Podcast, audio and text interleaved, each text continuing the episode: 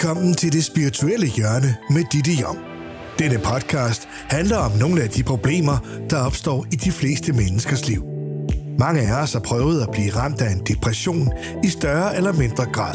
Det er nogle gange de mindste ting, der får læsset til at vælte, men ofte burde det aldrig være kommet dertil. Ditte vil komme med nogle gode råd til at komme tilbage på sporet, før det er for sent.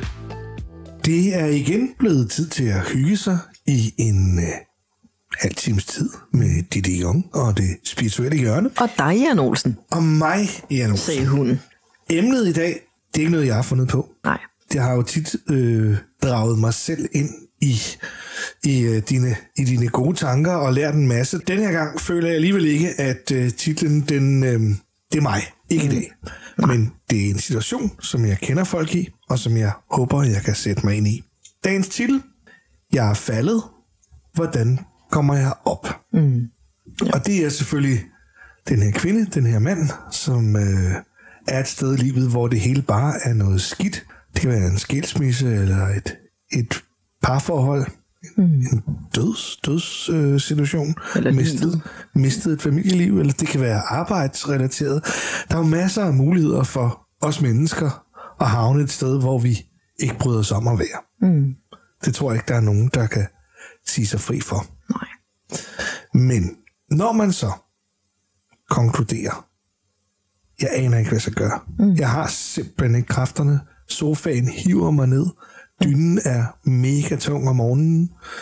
Hvordan, øh, Ditte, kom så med det. Hvordan jeg ved, du ved det. Ja, Jamen, der, er jo for, der er jo mange forskellige scenarier. Der er jo mange mennesker, som ender der, helt nede i kulkælderen af forskellige årsager. Det kan være, at man er enormt påvirket af de mennesker, man er omkring, som øh, måske er meget tunge eller dystre, egentlig i bund og grund, hvor det egentlig ikke er ens egen naturlige natur eller sind, at være øh, en nej-hat. Og det kræver jo i den situation, at man bliver rigtig, rigtig dygtig til at sige fra og sige, nej, øh, jeg har ikke lyst til at lade mig trække ned. Hvis nu for eksempel vi tager, øh, de, øh, jeg tror på som terapeut, vi har syv grundfølelser, men hvis vi kigger på bare at arbejde med, med fire af dem, så er de øh, fire vigtigste glæde, sorg, angst og vrede. Det var en positiv følelse mod tre negative. Og det betyder, at de fleste mennesker har en tendens til at se et glas være halv tomt, i stedet for halv fyldt. Og det betyder at også, at vi mennesker er meget påvirkelige, når det kommer til noget, der er negativt. Og hvis vi bliver ved med at være omgivet af mennesker, der er negativt tænkende, så bliver vi simpelthen trukket ned energetisk til sidst. Det er sådan en måde, at man kan blive trukket ned på, og det kan være enormt svært at komme op, hvis ikke man har et hav af mennesker, der er enormt positive, der vil hjælpe en op af hullet. Men vi har også situationer, hvor at man har noget med i sin bagage, som har stået på i så mange år. Det kan være, at man har bedt om hjælp, man har gået til diverse mange terapeuter eller psykologer, og har ikke evnet at finde en, som egentlig var dygtig nok, eller forstå en. Så til sidst så giver man op. Og så lader man sig slå til tåls med, kan man vel sige. Men lad sig nøje. At, ja, Ja at acceptere på en eller anden måde, jamen øh, sådan et liv skal jeg åbenbart have. Og det øh, vil jeg ikke acceptere øh, overhovedet. Når jeg hører folk, der siger, jamen, sådan må det jo bare være, tænker jeg, kæmp, kæmp, kæmp. Hvor er der energi til at kæmpe? Er det er det din mand, du elsker, du vil kæmpe for? Er det ægteskabet, der vil gøre, at du vil leve? Er det dine børn, som ikke skal vokse op uden en mor eller en far eller en et eller andet, som gør, at, at du i hvert fald vil være statueret et eksempel og ikke vise dem depressivitet eller angst øh, skal overtage i livet, fordi selvom du måske ikke i tale sætter det derhjemme, så skal du jo vide, at både din mand og dine børn eller konen øh, selvfølgelig tydeligvis bliver påvirket af de energier, du selv sidder og sender ud. Og jeg er fuldstændig med på, at det ikke er noget, du kan styre. Når det er, at jeg arbejder terapeutisk og også klaverjant, så kigger jeg jo rigtig meget på, hvad er det for nogle vaner, vi mennesker vi har. Og hvis man kigger på hjernen, som for eksempel et skispor, hvor at hvis man står på langrand, så har vi nogle øh, nervebaner inde i hjernen, eller nogle hjernebaner, kan vi kalde dem. Jo flere gange vi tænker en tanke, så forestiller du dig, at du kører ned ad det her spor med din ski. Og i mange, mange, mange år, hvis du bliver ved med at pløje ned af, den samme, øh, af de samme skispor, så bliver de her spor, altså hjernebaner jo, dybere og dybere, som årene de går. Og det bliver sværere og sværere at skifte spor. Fordi du er måske kommet en halv meter ned i dybden på de her spor, som årene er gået. Og så kan det godt være, at folk siger, nu må du gøre noget ved det. Jamen, hvad vil du have, skal gøre ved det? Altså ja, øh, fedt, så prøvede jeg at, at, at gøre noget for mig selv den ene dag. Og det hjælper ikke, nu er dårlig humør igen næste dag. Og det siger sig selv, der skal mange, mange år til af positivitet for at gøre op med i mange et negativitetsmønster. Ikke?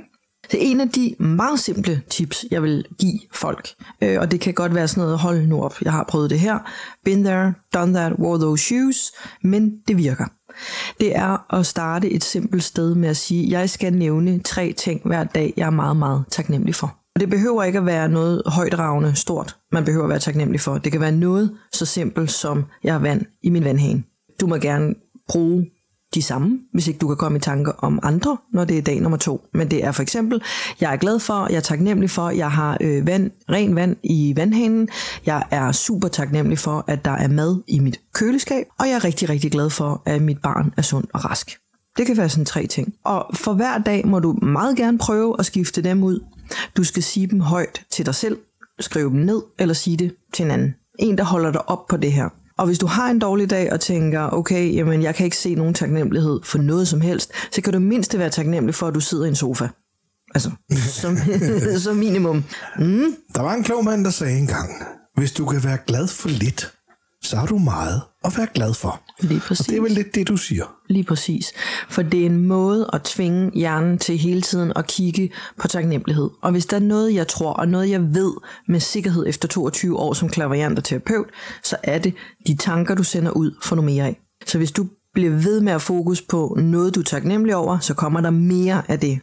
Så det kan godt være, at du så får mere ren vand, eller du får mere mad i køleskabet, eller der kommer flere penge til dig, som sikrer, at du kan få mad i køleskabet, hvis det giver mening. Ja, man skal være, man skal være glad for lidt, og så kommer der lige pludselig lidt mere, mm. og lidt mere. Og det, det er jo lidt den der klassiker med et skridt ad gangen, og hvad er det sportsfolkene siger, jeg tager en kamp ad gangen, eller tennisspilleren, der spiller en bold ad gangen, og så videre, og så videre, golfspilleren et slag ad gangen. Og jeg har jo tit elskede min golfmetafor for livet. Mm. Øhm, fordi jeg tænker jo lidt, på golfbanen, der spiller man bolden, som den ligger. Og nogle gange, så kommer man altså at slå skævert. Og så må man jo finde vejen ud af det høje græs, eller skoven, eller sandgraven. Øh, og, og, og i enkelte tilfælde må man jo nærmest sige, når ja, så må jeg spille en ny bold. Mm. Altså simpelthen starte helt forfra. Mm. Og det er vel i virkeligheden et meget godt billede på livet, at, at nogle gange så ligger bolden virkelig skidt, og andre gange så ligger den virkelig godt. Og nu siger du start forfra. Øh, selvfølgelig så kan man jo ikke nødvendigvis skære alle mennesker af, man har i sit liv, men der ligger også noget i at beskytte sig selv øh, på en eller anden måde at lave en ny start.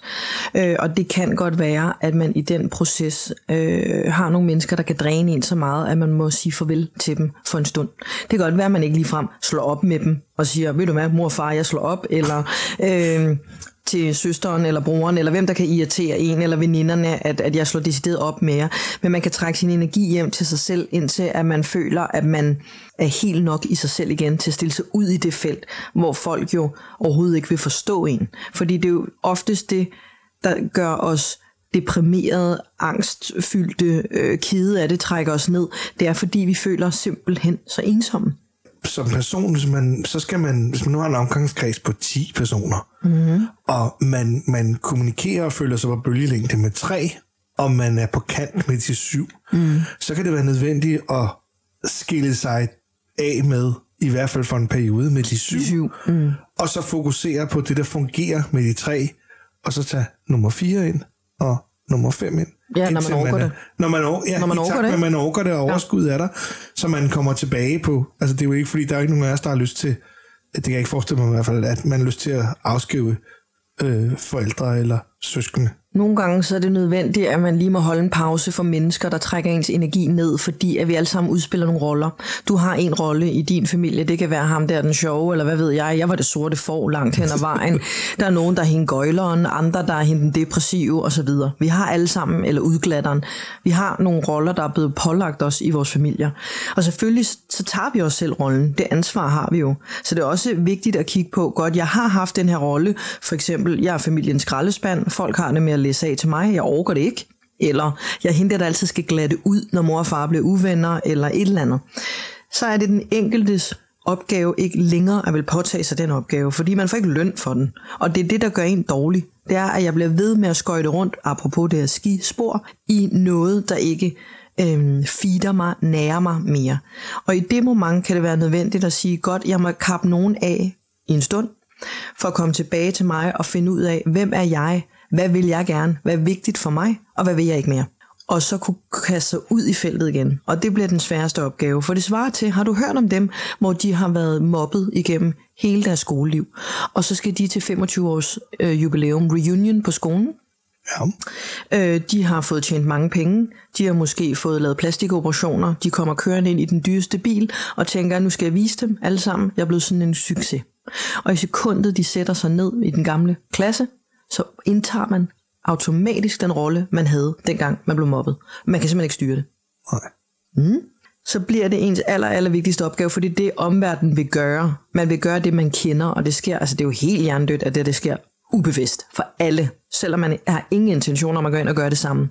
Men det, der bliver ens aller fornemmeste opgave, det er virkelig at træde ud af rollen i stedet for at køre hjem og blive ked af det og tænke, om der var ikke nogen, der så min Ferrari. Jeg er stadigvæk hende der, der bliver mobbet i skolen, eller ham der, øh, hvad ved jeg, øh, hvad vi fik af prædikater, dengang vi gik i skole, og virkelig eje den. Fordi at man er meget, meget påvirkelig i forhold til hinandens energi. For eksempel, hvis jeg går ind i en klasse og har ubevidst påtaget øh, den energi af at være kæk eller smart eller sårbar eller et eller andet, så opsnapper de andre det i sekundet. Og så er det skispor ikke længere væk, end folk kører tilbage i deres rammer. Så vi er meget påvirkelige af hinanden, når vi træder ind i et rum.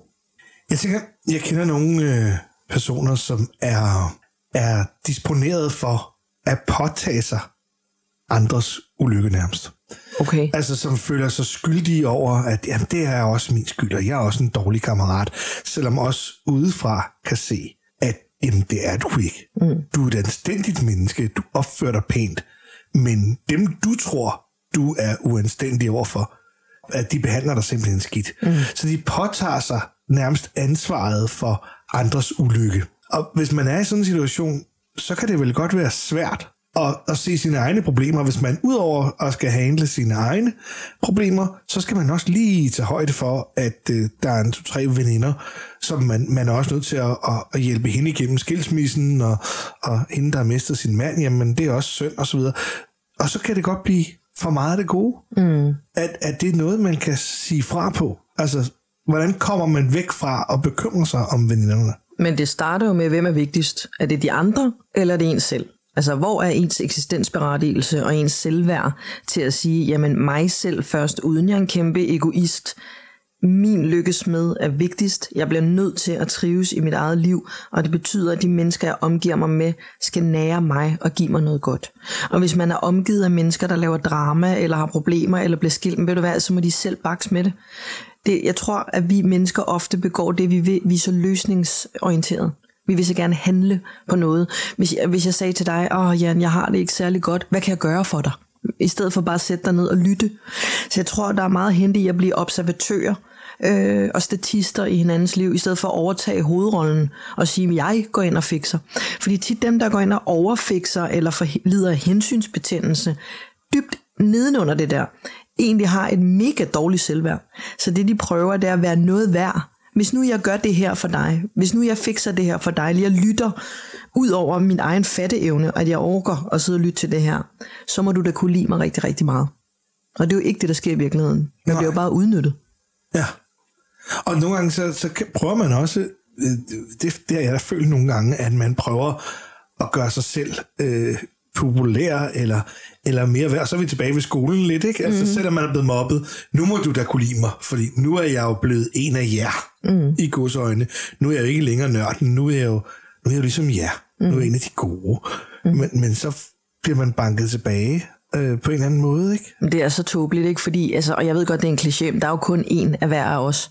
Vi er jo unikke som mennesker, og det er uh, jeg kæmper sådan for, at, at hver menneske, som jeg er i berøring med, eller som jeg arbejder med, eller hjælper på den ene eller den anden måde, forstår sin egen unikhed. i at være sig. Det starter jo i skolen, hvis man bliver mobbet eller holdt udenfor. Vi er flokdyr. Vi er skide bange for at stå alene. Vi er skide bange for at være ensomme. Så vi retter ind. Og når vi retter ind, så mister vi altså os selv. Fordi så er der ikke plads til at være dem, vi er. Og så er det, når man undertrykker sig og sit liv, og det man inderst inde vil, og det man inderst inde brænder for. Når man har undertrykt det længe nok, eller prøver at passe ind i en kasse, man ikke har lyst til at passe ind i, så bliver man deprimeret. Årsagen til at være deprimeret, øhm, den kan jo være virkelig varieret. Mm. Det kan være job, kærlighed, og nogle gange, og det er næsten det værste, så ved du simpelthen ikke, hvorfor du er deprimeret. Mm. Det har jeg prøvet selv, mm. at være ked af det, og tænke, nu har jeg da været trist i 3-4 dage. Hvad, hvad, hvad er jeg egentlig trist over? Mm. Og så kan man tale med sin mor, eller sin kæreste, eller hvad med jeg. Og så, så fortæller man, at jeg har skulle lige haft nogle øvedage. Det kalder jeg dem sådan øvedage. Mm. Hvad er du ked af? Og så føler jeg mig jo helt komplet idiot. Jeg ved det ikke. og, og de fortæller mig lige, hvad er det, der gør, at vi bliver deprimeret, uden at vi ikke engang selv ved det? Mm. Hvad, der må jo være et eller andet, der altså, tilter. Jeg vil også sige, at der er stor forskel på at lide af en depression og have et par øvedage i træk. Ikke? Fordi hvis man er ude i en depression, så er det der, hvor man vidderligt ikke kan stå ud af sin egen seng, og man bare vil dø. Okay. Altså, så er man nærmest ja. suicidal, ikke? Ja. Eller så rigid, at, at man ingenting kan. Altså, så vi way forbi at spise og drikke noget. Så ligger vi bare, ikke? Så ligger vi bare. Ja, det, det er rimelig toft. Men i bund og grund, så tror jeg på, at det meste af, af depressioner og, og angstanfald og, og øvedage er skabt på baggrund af noget, vi holder inde. Noget, hvor vi ikke kan få liv eller udfolde os selv. Så det kan være, øh, for eksempel hvis man har ikke har fået sagt fra over for en lortechef, eller øh, man har manglet at få kærlighed og opmærksomhed fra manden, men man har ikke tur i tale sætte det. Hvis man i overvis ikke føler, at man bliver anerkendt af de andre i sin familie, men man kan ikke åbne munden og sige, hvad man egentlig har brug for, så giver man op. Et eller andet sted langt hen ad vejen giver man op. Det kan også være, at man mister jobbet, og man havner i at, at tage det personligt, som en, en fyring jo godt kan være, hvis ikke det er en besparelse af en hel afdeling, så vil man jo selvfølgelig havne i, okay, det var mig, der ikke var god nok. Ikke? Og så bliver det svært at vende tilbage. Vi har kunstnere, som skal reinvente dem selv, som jo kraftede mig på piller og alkohol, fordi det pres, de er underlagt, at, at nu har jeg været en bestseller, jeg har ligget på et eller andet hit number one. Hvordan kan jeg gøre det her uden at være en failure? Det er jo det pres, de er underlagt. Altså ja. skal det være endnu bedre end sidste gang? Øhm, og det er jo egentlig uanset om man er en Whitney Houston eller Michael Jackson eller hvem man kunne være, så nu er de så, så døde. Øhm, men jeg tror langt hen ad vejen også, at de, de var jo også bare mennesker, der var ensomme og bare gerne ville have lov til at være dem, dem de var. Kan man snakke sådan lidt om en øh, højt at flyve, dybt at falde? Jeg tænker, den her øh, butiksassistent, mm. som mister jobbet i Føtex, bliver han, hun mindre deprimeret end, end den her direktør, der i en årrække har været succeshistorien, øh, den som man virkelig så op til, at oh, han gør det godt nok godt, eller hun gør det godt nok godt, og bare jeg var ligesom hende ham. Og så bum, så bliver tæppet revet væk. Er der så tale om, at den her person, som kommer fra et succesfuldt sted, falder hårdere til jorden, end, end os andre almindelige, som bare har sådan et relativt standard job, øh, og som kan søge over hos naboen, og så er det ikke en identitet, der rykker med. Det tror jeg ikke. Jeg tror, det kommer an på, hvor meget hjerteblod man lægger i sit arbejde. Fordi butiksassistenten, hvis han virkelig eller hun er virkelig ærkær, og jeg knokler, og, og det er nærmest min butik, og det hele skal stå legnet op, og vi skal altid yde en god service. Hvis den person bliver fyret, er det jo lige så grænseoverskridende og forfærdeligt, som det er for en direktør, der bankede sin egen baby op for bunden og fået meget succes. Det er jo bare en anden skala i forhold til pengene. Men følelsesmæssigt vil det være det samme, at man, har, man er ærkær omkring det, man har lavet, og man ikke kan forstå, hvorfor bliver jeg fyret? Jeg har givet alt, hvad jeg kunne. Ja, nogle gange kan man godt identificere sig mere med jobbet. Det er nogen, der gør det, mm. og nogen gør det ikke. Men jeg, jeg kan godt se din pointe i, at du kan godt være ansat i, i Føtex, og så stadigvæk have den her ærekærhed med, at vinflaskerne nede i min vinafdeling, de står simpelthen mm. alle sammen med etiketten ud af, og så videre, så videre, så videre. Så det er, ikke, det er egentlig ligegyldigt, mm. hvor man er henne, så kan man have den samme stolthed ved at gå på arbejde, ikke? Jo, og så har vi jo alle sammen forskellige historier, øh, og alt, altså, jeg bilder mig ind, at de fleste af os har det med, at vi vil egentlig bare gerne være gode nok.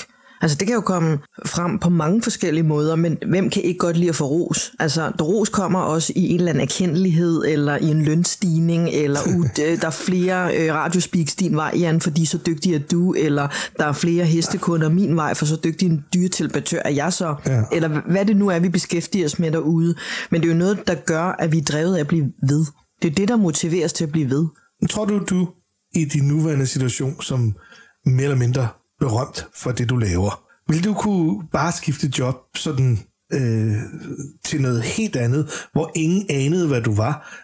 Øh, du var pludselig ikke længere Ditte, hende, der kan tale med dyrene. Nu var du pludselig bare hende ned fra, fra afdelingen. Jeg spørger, fordi jeg selv har, har på et tidspunkt været, været redaktør på et musikblad, og i det job, som jeg havde i 12 år, omgik jeg med alle dem, som var, var populære herhjemme, det var en del af mit arbejde, og, og mange havde jeg fulgt fra starten, og derfor havde jeg jo fået lov at komme indenfor. Da så, at uh, bladet efter 12 år lukkede... Øhm, og, Ej, nu bliver nysgerrig. Hvad var det? Gaffa eller Soundvenue? Nej, det, det hed Tune Magazine, det var for DJ's og dansemusik og den slags. Men mm. Aqua Infernal mm. og alle de der øh, store navne i 90'erne, det var jo bare det, man omgikkes med til daglig. Og bladet blev en stor del af min identitet. Alle DJ's i Danmark vidste, Jan Olsen for Tune, eller DJ and Dance, der skiftede navn på, mm-hmm. på et mhm. tidspunkt i midten, men ligegyldigt, men, men alle kendte mig som ham fra bladet. Mm. Og det var ligegyldigt, om det var pop, popfolkene, eller det var den almindelige DJ, der var ikke en DJ i Danmark, der ikke vidste, hvem jeg var. Mm. Og det nød jeg, og den identitet kunne jeg godt lide. Jeg synes, det var super fedt lige at kunne tage kæresten med og sige, vi kører sgu lige med en følge på tur i weekenden, du ved. Det var sådan, lidt, det var sådan en, et score, score, scoretræk. Og da jeg så pludselig bare i gåseøjne var Jan, mm. men ikke ham fra bladet, fordi det eksisterede jo ikke længere, så havde jeg det i en periode svært med at finde min identitet og finde ud af, jeg er jo virkelig god nok som bare Jan. Jeg mm. behøver ikke at være Jan for DJ Dance. Ja, altså det, det problem tror jeg, der er mange, der har, som også har været kendte, og nu ikke længere kendte, øh, altså en has ja.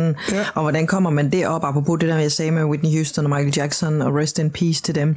Øh, og, men jeg tror også øh, generelt set, at folk, der mister deres arbejde, mister deres identitet, uanset om man er ansat i Føtex, eller, eller i forsikring, eller øh, for mit eget vedkommende, da jeg var øh, arbejdet på Danmarks Radio, det hele ens liv, det var mit hjerteblod, vi var en DR-familie, og jeg troede ikke, at der var et liv liv efter Danmarks Radio. Men det var der så. Og så blev jeg jo Didi Young, øh, og øh, jamen, det er meget sjovt, du siger det med at være kendt inde i mit felt, fordi jeg ser mig jo ikke sådan. Jeg ser mig jo som bare Ditte. Øh, så om, kunne jeg tage et nyt job? Ja, absolut. Kunne jeg trives med det? Ja, hvis det motiverede mig. Det vil ikke motivere mig at stå i en vinhandler i, eller vinhandlen i Irma for eksempel. Øh, elsker den, men det vil ikke interessere mig. Men hvis jeg skulle ud og lave events, eller jeg skulle ud og lave tv igen, så vil jeg brænde lige så meget for det, som at tale med heste eller være forfatter. Okay. Så, så vi skal sørge for, at jobbet ikke bliver for meget en identitet, og så husk på, det er, det er passionen for det er jobbet. lige præcis det. Altså det må være passionen, der driver det, fordi i bund og grund, når folk siger, jamen der er nogle parametre, der gør mit job interessant, det er for eksempel, hvor mange øh, kilometer har jeg til min arbejdsplads, er det nemt at komme der til, hvad får jeg i lønningspakken, øh, hvad er der pension, øh, min chef skal for eksempel være sød, eller et eller andet. men det kan jobbet jo ikke bestå af udelukkende. Altså man bliver jo nødt til at sidde og lave noget, man brænder for, hvor man føler, jeg det her debatter noget, øh, det er min livsmission, eller det her det er jeg knaldhammerne god til. Ellers så går man jo på sigt på kompromis med ens værdier, og bevares der måske også mange derude, som arbejder med noget, hvor de aldrig har tænkt over, at det kunne give noget til andre mennesker. Men jeg synes, det er vigtigt til alle derude, der lytter med. Alt, hvad du kan bringe ind i et job, eller bare den, du er, beriger os andre. Så tænker jeg, at jeg lige vil til slut her opsummere lidt, fordi Dagens titel var Jeg er faldet, hvordan kommer jeg op? Mm. Og der vil jeg også godt lige slutte, fordi nu kom vi lidt over på noget mindre problematisk, synes jeg, i forhold til, til titlen på, mm. på dagens udgave. Øhm, så hvis vi kort skal sige, at en af vores lyttere, eller måske sågar flere, føler nu, at det er hårdt at komme ud af sengen, og dynen er tung, og det er bare noget skidt det hele, af den ene eller anden årsag en øh, gameplan for vedkommende? Det var find tre taknemmelighedsting hver evig eneste dag. Hold dig selv op på dem, eller sig dem højt for hinanden. Få noget hjælp. Søg en terapeut, eller en god psykolog, eller en klaverjant. Altså det vigtigste er, at du finder en, der kan blive anbefalet, så du ikke føler, at du skal starte forfra. For hvis man er helt nede i kulkælderen, så har man slet ikke energi til at opsøge sådan nogle der.